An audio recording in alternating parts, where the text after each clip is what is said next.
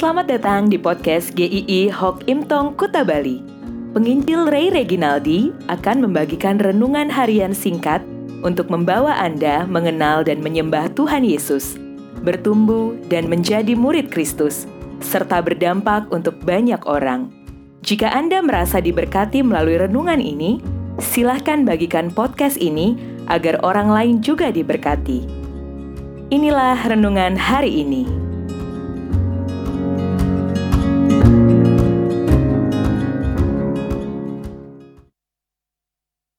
Sang Penjahit Kisah Para Rasul 9 ayat 36 Perempuan itu banyak sekali berbuat baik dan memberi sedekah. Jika kita melihat tim-tim olahraga di dunia atau sebut saja tim sepak bola ternama di dunia, mereka akan mencari pemain-pemain yang kemampuannya hebat untuk membangun sebuah tim juara. Sekalipun mereka harus membayar merogoh kocek dengan begitu mahalnya. Orang-orang yang terpilih adalah orang-orang yang punya nama besar atau sudah terlihat potensinya untuk melakukan dampak yang besar. Jika kita membicarakan pekerjaan Tuhan, apakah Tuhan juga hanya memilih orang-orang yang punya skill hebat untuk masuk dalam pelayanannya? Kita bisa lihat salah satu anggota tim Tuhan Yesus yang bernama Dorcas. Dorcas ini sudah dikenal sebagai seorang murid.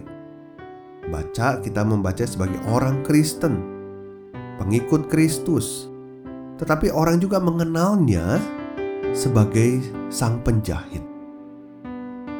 Bukan sembarang penjahit, karena dia punya hati untuk orang-orang yang berkekurangan. Dorcas berbuat baik dan memberi sedekah, serta dengan skillnya yang bisa menjahit itu, dia menjadi berkat buat janda-janda yang kekurangan. Mungkin kita lihat dia adalah orang yang biasa-biasa saja. Skillnya menjahit saja. Tidak ada kemampuan lain yang disebutkan. Mungkin dia bukan pembicara yang ulung atau pemain musik yang handal.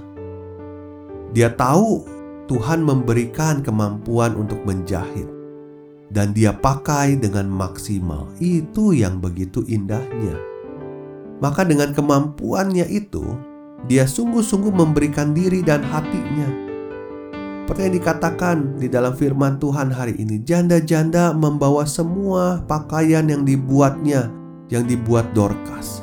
Artinya begitu banyak baju yang dibuatnya untuk orang-orang yang memerlukan untuk janda-janda yang kekurangan. Jarum dan benang itulah yang menjadi berkat buat orang banyak yang membuat mereka bisa mengenal kasih Kristus. Dorcas tidak bicara di mimbar-mimbar. Dorcas tidak memimpin pujian dengan hebat, tetapi dia membuat pakaian itu dengan hati untuk Kristus.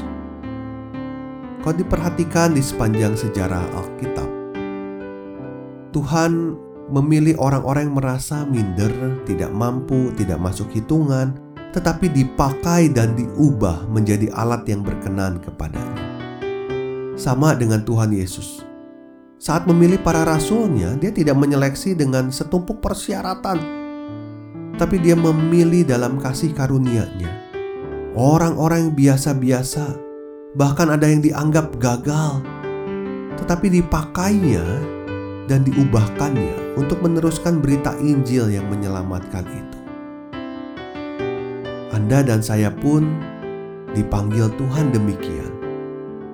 Tidak ada orang percaya yang dipanggil Tuhan untuk berdiam diri dan tidak melakukan apa pun dan berkata, "Ah, saya bisa apa untuk pekerjaan Tuhan? Ah, saya ini hanya biasa-biasa saja. Ah, saya nggak punya kemampuan khusus." Setiap orang percaya pasti bisa berkarya bagi Kristus. Saat Anda bisa memasak, biarlah masakanmu itu jadi berkat buat orang lain. Anda bisa berdagang, maka berdaganglah dengan jujur dan jadilah saluran berkat juga buat orang lain. Anda ibu rumah tangga jangan minder. Anda dipercayakan untuk mengurus anak-anak di dalam kasih Tuhan. Jagalah mereka juga dengan hati yang tulus. Anda seorang dokter, mari obati pasienmu dengan kasih dalam Kristus. Anda seorang pengacara, mari belalah hak-hak orang yang perlu dibela. Jangan putar balikan hukum itu. Tuhan memakai kita bukan karena kita hebat, tetapi Dia memakai kita karena Dia mengasihi kita, dan Dia yang memampukan kita untuk kita melakukannya bagi kemuliaannya. Seperti sang penjahit Dorcas, kita pun dipercayakan hal-hal tertentu dari Tuhan. Mari kita melakukannya untuk kemuliaan Tuhan. Saudara kita mungkin ada kalanya berpikir bahwa kita lemah dan tidak mampu. Namun Tuhan adalah sumber kekuatan kita. Kita akan membahasnya pada episode selanjutnya. Sampai jumpa.